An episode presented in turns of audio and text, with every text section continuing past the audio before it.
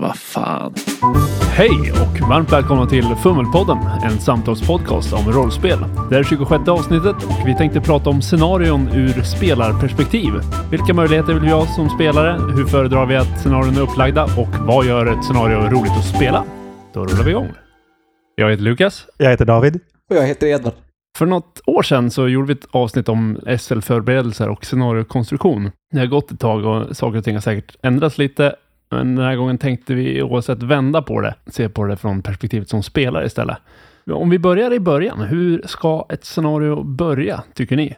Det finns ju det här fantastiska uttrycket in media res, som jag tycker funkar även på rollspel. Det ska gärna börja mitt i handlingen. Inte börja att man sitter på en taverna och ingen känner varandra och man bara väntar på att något ska hända. Det tycker jag är jättetråkigt. Jag gillar snarare att man hoppar fram och kanske till och med skrivit det här har ni kommit överens om, det här är vad ni gör just nu. Ni står i grottöppningen och på väg ner i den hemliga gången eller? Det är ju ganska lagom, för då är det ju fortfarande så att du har en viss bredd av dina handlingar. Det jag kan känna i medias res, i alla fall i filmvarianter, är ju nästan att du är mitt i en eldstrid eller liknande och liksom, du är helt låst i actionscenen som redan förflyter. Ja, fast det som är viktigt för mig tycker jag är att det ska finnas ett otroligt tydligt problem att lösa direkt när man börjar. Och det kan vara en strid. Ja, men om jag inte försvarar mig nu så kommer min karaktär att dö i första kvarten av det här äventyret som vi har börjat spela precis.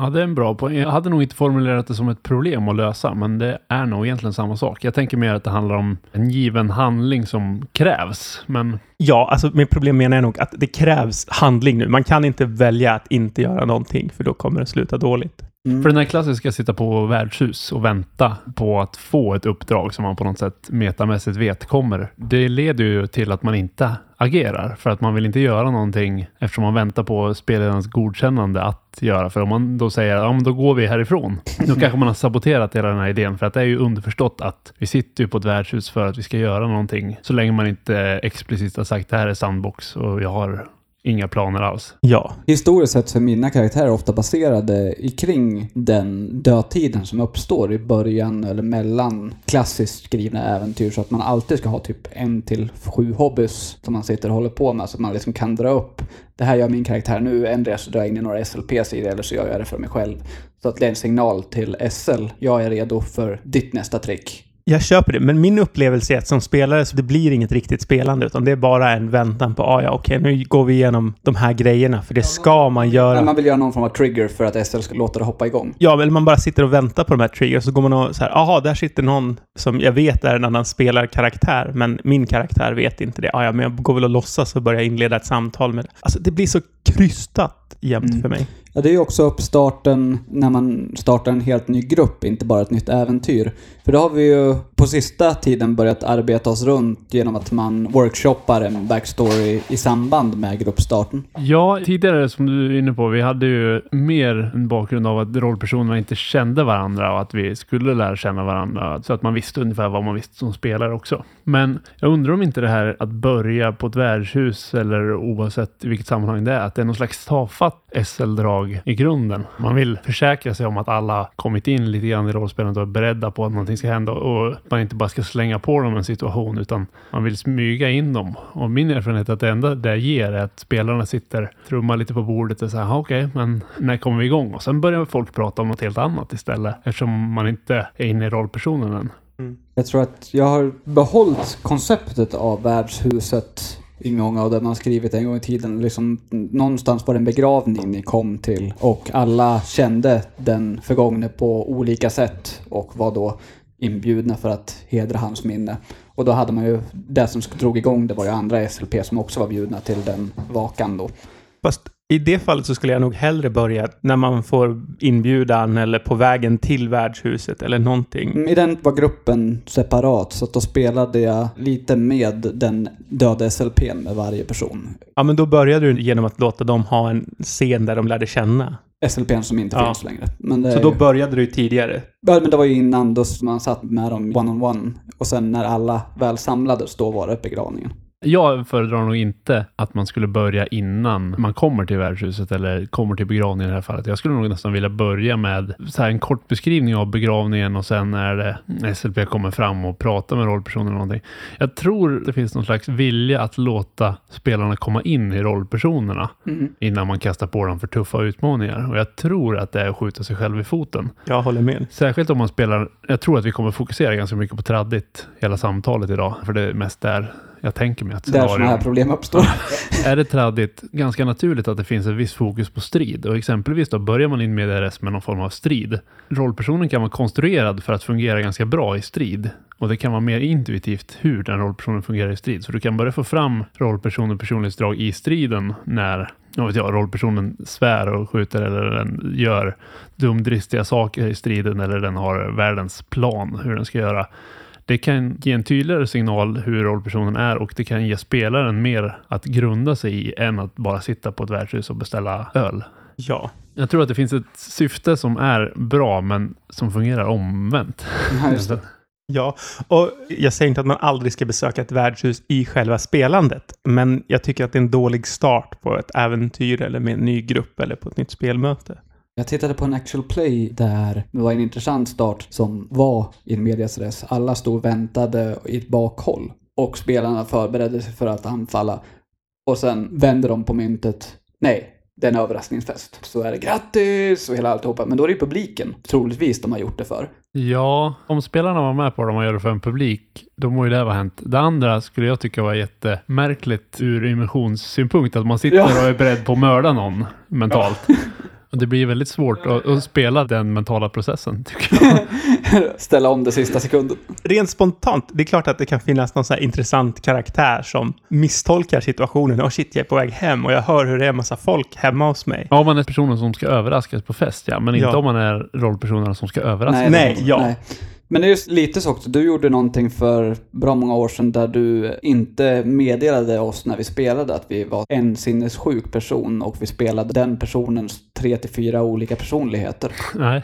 Men det var ju ganska otraddigt scenario. Ja, det var ju blev jävligt udda, men det var ju just den biten där vi sitter och samtalar med varandra i låsta celler och vi egentligen sitter i en cell i samma persons huvud och vi sitter och planerar hur vi ska fly och sånt där. Och personligheterna då pratar med varandra i hans huvud. Och det är ju intressant scenario. Problemet är att där lurar man ju spelarna dubbelt, för där har man ju liksom in medias res, men vi får ingen backstory. Nej. För vanligtvis in medias res, om det inte är en sinnessjuk person eller inte en person som har legat i en kryotank eller någonting liknande, så vet ju personen de senaste händelserna upp, så man måste ha en sammanfattning som leder fram till det. Ja. För att du ska kunna spela på situationen som uppkommer. Ja, jag spelade vintras ett scenario där vi började med eh, en strid. Och det var liksom kaos och det var massa kamrater som var döda och det var mörkt och det var ute i någon skog och det var bara massa troll som vi hade koll på. Där hade vi ingen aning om som spelare vad vi höll på med. Annat än att det var troll och det är klart man ska ha koll på troll i princip eftersom de anfaller oss. Och sen fick vi det liksom bitvis under striden fick man i pusselbitar och sen efteråt fick vi någon slags backstory-dropp varför vi befann oss på den platsen och vad som hade hänt. Just i en strid, eftersom det kan vara så adrenalinat och kaotiskt, kan jag tycka att det funkar ganska bra. Att man fokuserar bara det där tunnelseendet, bara på nuet och vad man ska göra. Värderingen är sett åt sidan så länge du överlever. Precis, och det var någonting som liksom afforderade till att vi försvarade en plats. Vi ska inte springa härifrån. Vilket jag tror löstes väldigt snyggt, eftersom det inte var något uttalat. Men så det kan ju funka så. Jag tror att det fungerar betydligt bättre än som jag gjorde i det här mentalsjukhus-scenariot. Där blir det väldigt förvirrande. Mm, men där, Men var inte det också lite poängen? Att det skulle Jo, vara det förvirrande? Ja, och att fysiska handlingar var ju begränsade på grund av att man sitter i en cell. Så då är liksom scenariot så pass upplagt att det enda mediet vi har att rollspela på är kommunikation och dialog mellan karaktärerna. Ja, precis. Så då har du liksom löst det vi oroar oss för med liksom vad har SL tänkt att vi ska göra, hur ska vi göra det här? Medan är det traddrollspel och man springer ut ur värdshuset, och endera får ju SL spela med på det eller så äh, kastar man kampanjen i papperskorgen. Jag och David har pratat en del om det på sistone, att det är inte så kul när spelledaren railroadar och har bestämt mål i åtanke. Eller bestämda lösningar. Eller bestämda lösningar. Så eh, om man har den här bestämda, först ska det här ske, sen ska det här ske, sen ska det här ske, för då kan vi spela det som är roligt, eller vad det nu är. Mm. Då är det bättre att bara beskriva att de här sakerna sker. Så man kan börja in med resrest, men man kan som spelledare beskriva varför man börjar där. Ni har godtagit det här uppdraget. Ni satt på ett värdshus, ni godtog ett uppdrag, ni reste till en annan stad, ni gick i ett bakhåll och nu är ni överfallna. Det är bättre att börja där än att börja på värdshuset. Man sitter i en kvart och väntar på att eh, den här personen ska komma och ge uppdrag. Sen ska man resa. Man slår läger 15 gånger på vägen. Och sen, ja vi går eh, i skogsbrynen. Nej, nej, nej, ni måste gå in på skogsvägen för att annars... Nej, men det, det regnar så ni vill gå in i skogen. Nej, vi vill inte ändå. Nej, men det åskar och slår ner blixtar på fältet så ni vill gå in i skogen. Det är bättre att bara säga det här har hänt, nu är ni här, kör. Jag tycker att det är betydligt roligare som spelare att komma igång där och eh, jag tycker att det är betydligt roligare som spelare att inte ha blivit styrd dit under spel. Ja, jag håller med och jag tycker att det är okej med rälsning om det är så tydlig rälsning. Ja, men vi ska börja ett spel och vi måste börja någonstans. Jag menar, det är ju rälsning att säga att ni sitter på ett värdshus också. Ja, exakt. Ni, exakt. Man har ju kommit dit på något sätt. Ja, för man spelar ju inte den här karaktären från att den föds och är liksom ett litet barn, utan det finns ju ändå någon slags uppdelning där till inledning till spelandet och själva spelandet. Och då är det roligare att inleda spelandet på ett spännande ställe, så att det blir kul från början. Vad tycker ni om klichéer som railroading? För jag läste just eh, en saga som jag inser, det här är skönheten och odjuret. De har målat upp andra karaktärer satta i samma situationer. För läsaren så har man ju i stort sett koll, ja, nästa sak kommer det här vara, nästa sak kommer det här vara.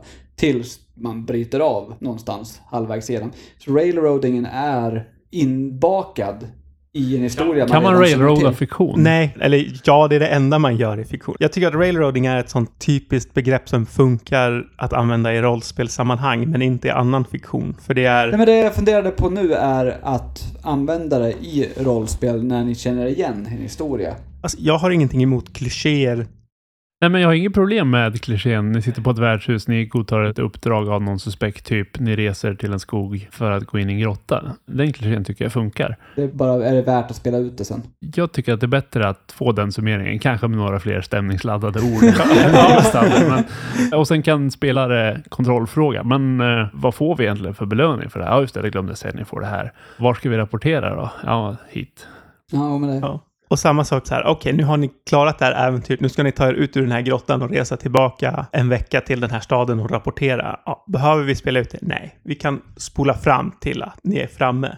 Jag tror egentligen man ska skilja på railroading och snabbspolning. Ja, för railroading är när spelaren vill göra någonting specifikt och spelledaren inte tillåter det. Nej, precis. Båda handlar ju om begränsning, men den andra är en explicit begränsning. Jag kommer säga vad som händer nu, så lyssna på mig. Mm. Och det andra är, vad gör du? Valet är fritt. Då gör jag det här. Det får du inte.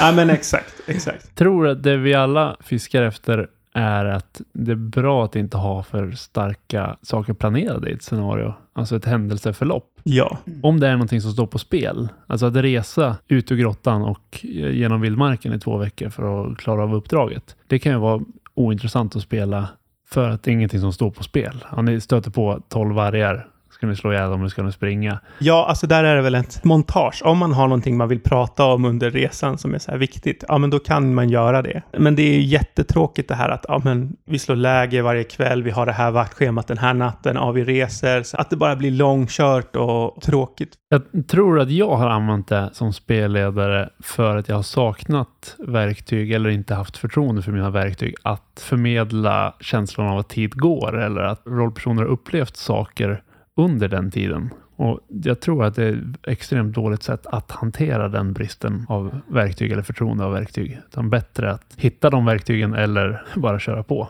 Ja, De verktygen vi har använt, som vi nämnde lite tidigare, tror jag, för att gemensamt knyta ihop en grupp inför första spelmötet. Att små detaljer som man liksom bygger upp ett scenario kring hur man möttes.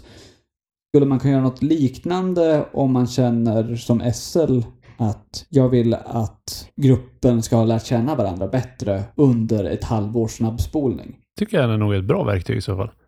Ja, för att ersätta, för det är lite det du var inne på, du vill att få tiden att passera. Det känns som att tiden har gått emellan Mm. och att någonting har hänt. Om man då gör en verktygslåda för tidspassage med händelseförlopp. Du David testade den ett tag i början när vi spelade. Att peka ut en spelare och säga någonting händer på den här resan. Vad händer? Och det fungerade lite sisådär det gjorde det. så länge du pekar på fel spelare. Jag tror att det kan vara bättre att ha någon form av gruppdiskussion. Att vad har hänt under den här tiden? Och kanske gärna någon ledande fråga då, som ger gruppen någonting att diskutera kring. Det tror jag kan vara ett bra verktyg. Absolut. Mm. För vi har tre gånger nu inom den senaste månaden använt ett påminnande verktyg just för gruppstarten. Ja. Och jag har känt mig väldigt nöjd när vi väl drar igång för att man känner liksom, nu känner jag din karaktär lite bättre, nu känner jag min karaktär lite bättre och jag vet hur vi hanterar situationer tillsammans. Precis. Det här är ju ett kors som jag kryper till med en glad min i alla fall. Att David har nog rätt i att det är bättre att ha rollpersoner som har lite insikter i varandra och erfarenheter av varandra för att det blir roligare spel istället för att man ska ha hemligheter som man ska lista ut under spel. För att man kommer igång, man trivs bättre, man har roligare. Man har en anledning att hålla ihop som grupp. Mm. Och det behöver ju inte heller betyda att ja, men jag har en jättestor hemlighet som jag har gått och burit på hela den här tiden. Nej, visst.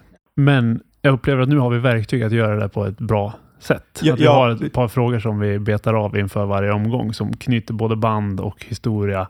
Har någon form av gemensam bild av vad som har hänt och vad har lett hit. Ja, och det bryter av. Det blir inte bara så här, ja men vi är kompisar sedan barndomen. Frågor som också liksom inte bara gör att allting blir guld och gröna skogar eller bara becksvart, utan det är lite så här, vad gick bra, vad gick dåligt, vilka vänner fick ni, vilka fiender fick Ja, ni? precis. Det sätter ut lite detaljpunkter också så man kan fästa sin bild av vad som har hänt. Ja. Men det vi har cirkulerat kring hela samtalet nu har ju varit, det är kul att börja med saker som man får spela i och det är trevligt att hoppa över saker som är intetsägande. Men vad är det då man ska spela? Vad ska ett scenario innehålla för att det ska bli roligt? Jag, jag tycker så här spännande lösningar, att få utforska karaktärerna i jobbiga situationer kan jag tycka är ganska intressant. Jag tycker inte att det ger jättemycket att sitta ner och sitta och prata om så här är min karaktär, det här har hänt min karaktär. Jag tycker att det är mer intressant att oj, nu måste vi springa från polisen annars åker vi i fängelse eller nu måste vi ta oss ut från den här eller nu ska vi mm, råna den här personen eller nu ska vi hitta... Alltså det är en, stressig och jobbig situation och det är där det händer någonting. Det är där karaktären kommer fram tycker jag. Ja, jag är beredd att hålla med. Jag tror att just den här stress och problem är det som gör scenarion värda att spela för min del. Jag vill ju hålla med. Jag har en viss återhållsamhet i eh, liksom vad man har sett historiskt sett att folk slutar spela sina karaktärer och bara spela sina yrken när det bara rör sig action. Jag gillar då, vi håller ju just nu på att spela Blades in the Dark där XP-systemet är baserat runt att du faktiskt får erfarenhet till att knyta fast backstory, vices och karaktärshantering medans man spelar actionhändelser. Så det är ju, där får man uppmaningen att göra det. Annars så ser jag risken i att bara köra actionscener. Att man... Men kan man skriva in i ett scenario en situation där spelarna sitter och pratar om sina rollpersoner och deras tankar och sådär? Är inte det beroende av spelgrupp och beroende av system oavsett vad man skriver för scenario? Jo, och det är ju en rimlig kritik som du kommer med, Edvard. Men samtidigt så tycker jag också det hänger så otroligt mycket på spelgruppen, spelsystemet, vad man är ute efter. Och rent krasst så kan man ju också så här se att att spela sitt yrke i strid kan också vara en del av rollpersonen, vem man är. Att när det är lugnt och sansat, ja men då vill jag ge intryck av att vara en person som är lugn och sansad och liksom så här trevlig och ja, men välanpassad. Och sen så hamnar man i en strid och då blir man värsta så här ruthless mass murderern som går och hugger huvudet av alla som ligger ner. Ja, nu säger jag inte att det automatiskt det- blir så, men man kan- man kan göra en spännande karaktär av det också. Ja, men min upplevelse är nog att bara skriva in luft i ett scenario, att här får rollpersonerna sitta Nej. och diskutera någonting.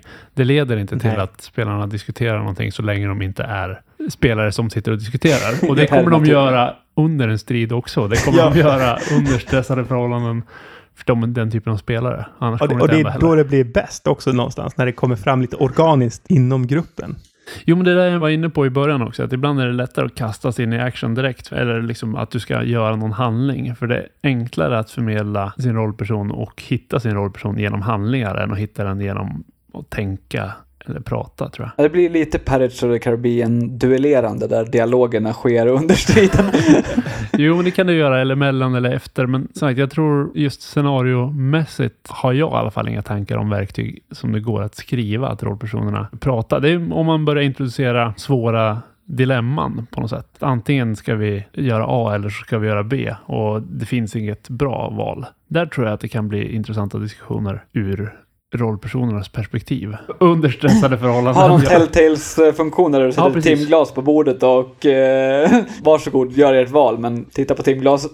Jo, du behöver inte ens vara där, för du kan få samma känsla oavsett, tror jag. Men där tror jag, på det sättet kan du få fram rollpersonssamtal. Mm. Men att bara, ja ni reser i två veckor, vad pratar ni om under tiden? Det kan gå med rätt grupp, men jag tror inte att det är någonting man ska skriva ett scenario om. Här, ta minst 30 minuter till nej. bara sitta tyst så att spelarna får en chans att prata utifrån rollpersonerna. Ja, springande punkten, det ska vara problem och det ska vara val som på något sätt räknas kring Ja. de problemen. Och en sak jag tänkt på också är att jag vill att det ska vara informerade val. Alltså inte att man ska veta allt om valen, men jag ska dra ett exempel som jag tycker är tydligt på hur man inte ska göra. Jag spelade en så här old school rollspel med en kompis och så skulle vi ta oss till en övergiven kyrka. Och jag och de andra spelarna fick komma på två vägar som fanns. Den ena gick över något berg och den andra, ja vi fick liksom komma på hur de såg ut och vad det var för skillnader mellan dem. Och sen så när vi hade gjort det, beskrivit de här två olika vägarna, så sa han, ja, jag slår en tärning här. Och han slog en tärning och så gömde han den så att ingen såg tärningen alls. Mm. Och sen så sa han, ja, en av de här vägarna är farlig och den andra vägen är säker. Och beroende på vad tärningen säger så är den ena eller den andra Schrödingers katt kan man säga. Ingen, ingen visste. Och så, ja, vilken väg tar ni? Det spelar ingen roll vilken väg vi tar. Finns Eller metamässigt, vi tar en tredje väg. Ja. Vi tar omvägen. Ja, men precis. Och det var så här.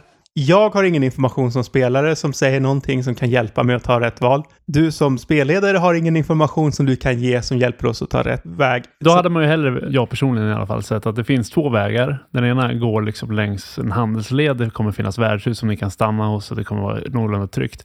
Den andra går genom skogen. Ni kommer behöva övernatta, hitta egen mat och det finns farliga saker där. Men den går mycket snabbare och ni är på flykt från lagen och lagen Ja. finns längs Ja, ja, men då är det en värdering istället Ja. för... Ja, ja, inte. Den ena är bättre, den andra är sämre eller... Jag kan se liksom att han försöker göra någonting som är lite high concept-aktigt, men det är fel verktyg och jag sk- skulle gärna vilja lägga till mera mekanik för att fråga lokalbefolkningen. Och liksom, att på något sätt kunna få mera information om det där tärningslaget Ja, absolut. för att bygga absolut. på det. det. Tärningslaget i sig själv, det är bara ett lotteri. Ja, eftersom det liksom, ingen visste vad resultatet var, ingen kunde påverka resultatet. Och på sätt och vis, hade man inte sagt att man slog någon tärning så hade man fått välja någon. Då hade det på sätt och vis varit lite så här, jaha, ska vi gå över berget eller genom skogen eller vad det nu var. Då blir det valet inte så intressant heller. Nej, och, och när liksom hela valsproceduren kan så här, ja, vi har lika stor chans att göra rätt val om vi singlar en slant. Men som rollperson vet man ju inte heller att ena vägen är farlig och att andra är säker. Nej, nej. Så att det blir Sant. konstig meta-information att hantera också. Men det är ju kanske mer ett systemupplägg. Ja, men det är väl det jag menar med ett scenario. Att, att ska man göra ett val så ska det ändå finnas någon form av mer information att hämta. Man ska kunna basera sitt val på någonting. En bra poäng. Jag tror även att det blir lättare att godta konsekvenserna av det här valet. Ja, För om man gör val som inte får några konsekvenser, då blir valen också meningslösa. Men om man gör val som inte har möjlighet att vara informerade, som får ödesdigra konsekvenser, då kan det kännas surt. ja. Jag tror vi har diskuterat något liknande i just SL-avsnitten, just det där att jag kände mig mera befogad i att bestraffa spelare för val de har gjort förutsatt att det finns tillräckligt med presenterad information tidigare i äventyret för att undanröja de felaktiga valen. Och då är det ju hur mycket man ska balansera bestraffning och sånt där. tycker, om inte än att man har gett all information, att man åtminstone gjort det tydligt att det finns information att hämta, då tycker jag gott att man kan bestraffa, för att det är ju någon slags agens till spelarna att ni har fattat det här beslutet och det här är konsekvensen av det beslutet. ja, jag håller med. Och det är där det blir viktigt för mig att man inte har rälsat det valet. Att, o- oavsett vilket val ni väljer så händer ändå det här. För att då hade man lika gärna kunnat skippa det valet och bara sagt att det här kommer hända. Ja. Så man ska få göra många val, ja. gärna under pressade situationer med lite problemlösning. Man ska ha möjlighet att göra informerade val och valen ska få konsekvenser. Det är väldigt abstrakta grejer kring hur man bygger scenarier, men jag tror att de är väldigt centrala för vår upplevelse i alla fall. Ja, men allting annat är ju kosmetik. Att kunna... Fast kosmetik är ju ganska viktigt också. Jo, men, alltså, men, men alltså, så länge det här ramverket finns under så finns det mindre risk för att folk blir missbelåtna. Jo, men jag känner, jag bryr mig nog mindre om huruvida det handlar om att vi ska hitta en seriemördare eller att vi ska råna en bank. Båda de kan vara intressanta, men om det ena är att ni får göra intressanta val och ställas inför frågeställningar och lösa problem som får konsekvenser och era val räknas och det andra är och sen eh, i slutändan kommer ni hitta seriemördaren som dock kommer ha kidnappat er bästa kompis. Sen eh, dör den bästa kompisen. Då kommer jag alltid välja bankrånet i det här fallet då, eftersom det innehåller val och Ja, ett tydligt konkret exempel. Vi testade på Blades in the Dark för några veckor sedan, där du spelade Lukas. Och hela uppdraget var att vi skulle få reda på någon information. Jag kommer inte ihåg vad det var vi skulle ta reda på, men vi skulle... Hur får de tag på den här resursen som är en bristvara? Ja, just det. Hur får den här personen, hur får han tag på det? Där presenterades det ju lite olika lösningar som att ja, men vi kan spionera på honom eller vi kan hitta någon underhuggare eller så. Men jag gillade hela konceptet också, att, som vi gjorde, att det var okej att vi bara gick till den här personen och sa som det var. Att, Hej, nu är det någon som vill ta reda på vart du får tag på det här. Vad vill du att vi ska lämna för information till den? Så. Och det tyckte jag var ett intressant val. Men det var kul att det presenterades inte som en lösning, men det var en okej lösning i scenariot. Att vi fick hitta på ett nytt sätt. Istället för att bli fiender med den som vi blev uppsatta att bli fiender med, så blev vi fiender med vår uppdragsgivare. Ja, fast ni hade ju kunnat komma undan att göra er fiende med uppdragsgivaren också. Det var bara att ni misslyckades med lite tärningslag att hålla det hemligt. Ja, sant. Hade allting gått eran väg, då hade ni blivit vänner med alla egentligen. Jo, det var väldigt trevligt och kompakt och tillfredsställande om man säger så. Men då är det ju agens, återigen. Ja, precis. Ja, Att vi fattar ett val och det bestraffas inte för att det inte är i SLs ramverk utan att det får löpa ut. Och du hade samma ambition med det vi spelade nu senast för någon vecka sedan, där ni fick i uppdrag att ha koll på en, någon form av fackföreningsrepresentant som värvade medlemmar. Det är fortfarande öppet hur ni väljer att angripa det och vad som händer. Och det händer ju, det var väldigt... kan kanske inte på optimalt, kanske inte var det optimala lönnmordet. Ja, Jo, Men ni fick göra det på sättet ni kände för och det valet ni gjorde fick ju konsekvenser för hur svårt det var, vad som hände och hur folk reagerade och sådär. absolut. Men det är också en bra grej med den gemensamma bakgrundshistorien. För där gjorde vi ju bakgrundshistorien en vecka tidigare. Så att man fick som SL förhållandesätt till hur vi troligtvis kommer gå tillväga. Liksom, Det blir en mindre chock och överraskning på grund av att vi har gjort ett uppdrag som påminner mycket om det i en ren fiktion. Ja, fast eh, så, sättet som jag lägger upp scenarion på numera är ju att det inte finns någon plan överhuvudtaget. Det finns bara triggers egentligen. Att nu som i det här fallet när ni skulle lönnmörda den här representanten. Om ni går hem till honom så finns det vakter. Om vakterna ser er så kommer de gå till anfall. För att de the känner igen er eftersom det var era eh, rivaler. Om ni försöker hoppa på honom på vägen till jobbet kommer han ha vakter och arbetskamrater för att han ser till att vara omgiven. Om ni börjar hota hans familj kommer han ge er vad ni än vill ha. Om familjen kommer undan då kommer han vara svårare att ha att göra med och så vidare. Men det är bara triggers. Gör ni A, då händer B. Men gör ni C så händer D. Det är ganska nyttigt också med de här paketerade spelmötena vi har nu, där man inte har 10-12 timmar att sitta och spela, utan nu är det fyra timmar max kanske, där ett scenario kan vara ganska kompakt och man kan sätta scenen utan att ha ett händelseförlopp planerat. Så att man liksom spelar ut det. Blir det väldigt kort så kan man liksom säga, ja, det här var vad som var den här veckan.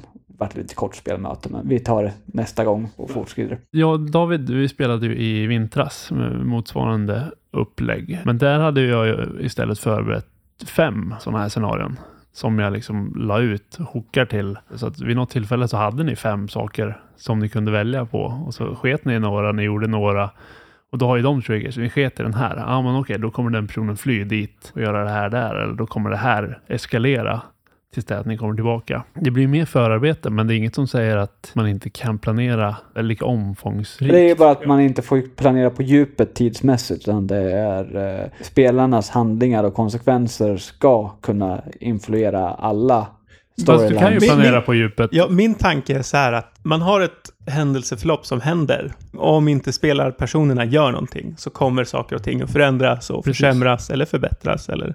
Det är ju en icke-trigger som ligger med. Att om ingen spelare gör någonting överhuvudtaget, då kommer det här hända. om spelarna gör det här, då kommer det påverka det händelseförloppet så här och så vidare. Ja, eller då får vi se hur det påverkar, för det vet man ju inte. Men det skiter sig helt klart om jag har, som jag tror jag nämnde i förra SL-avsnittet, så mycket hinner hända på ett år. Men det skiter sig om man har den här idén att när ni lönnmördar honom i fabriken som han jobbar på genom att släppa ner de här tunnorna i huvudet på honom. Då skiter sig allting när ni väljer att gå och knacka på hans ja, jo men precis. Och samma sak där. Har man en plan att ja, men efter två veckor då ska det här börja aktiveras, att de kan göra det här. Jag skulle i dagsläget se det som från min sida som felplanering. Det här kommer hända om två veckor. Om rollpersonen har gått dit och bränt ner huset första dagen, det är klart att det inte händer. Men om de personerna flyr, då kanske de påbörjar den verksamheten någon annanstans i stan eller i någon annan stad. Eller, eller så börjar de planera en hämndaktion. Och det löser ju så väldigt många problem. För ibland kan man känna där också att ah, shit, de får inte komma på det här för tidigt. Ja. Eh, Då leder det inte till det här klimaxet jag tänkt. Men kommer ni på det tidigare så må det väl vara hänt. Mm. Ja. Och jag tror att det där är någonting man kan känna som spelledare. Att åh nej, mitt klimax. Och då kommer rollpersonerna inte få den här utmaningen och de kommer inte känna att de har förtjänat det. Men som spelare upplever jag nog nästan alltid att yes, vi överlistade systemet, Ja, vi vann, ja. fan vad bra vi är. Jag håller helt och hållet med. Därmed sagt, det är ingen som säger att man behöver göra en så komplex maskin heller. Men jag tror fortfarande att det blir en roligare upplevelse av att det inte är skriptat moment för moment hur man leder fram dit. Utan bara det här kommer att hända om de inte lägger sig i och det här händer när de lägger sig i och gör det här.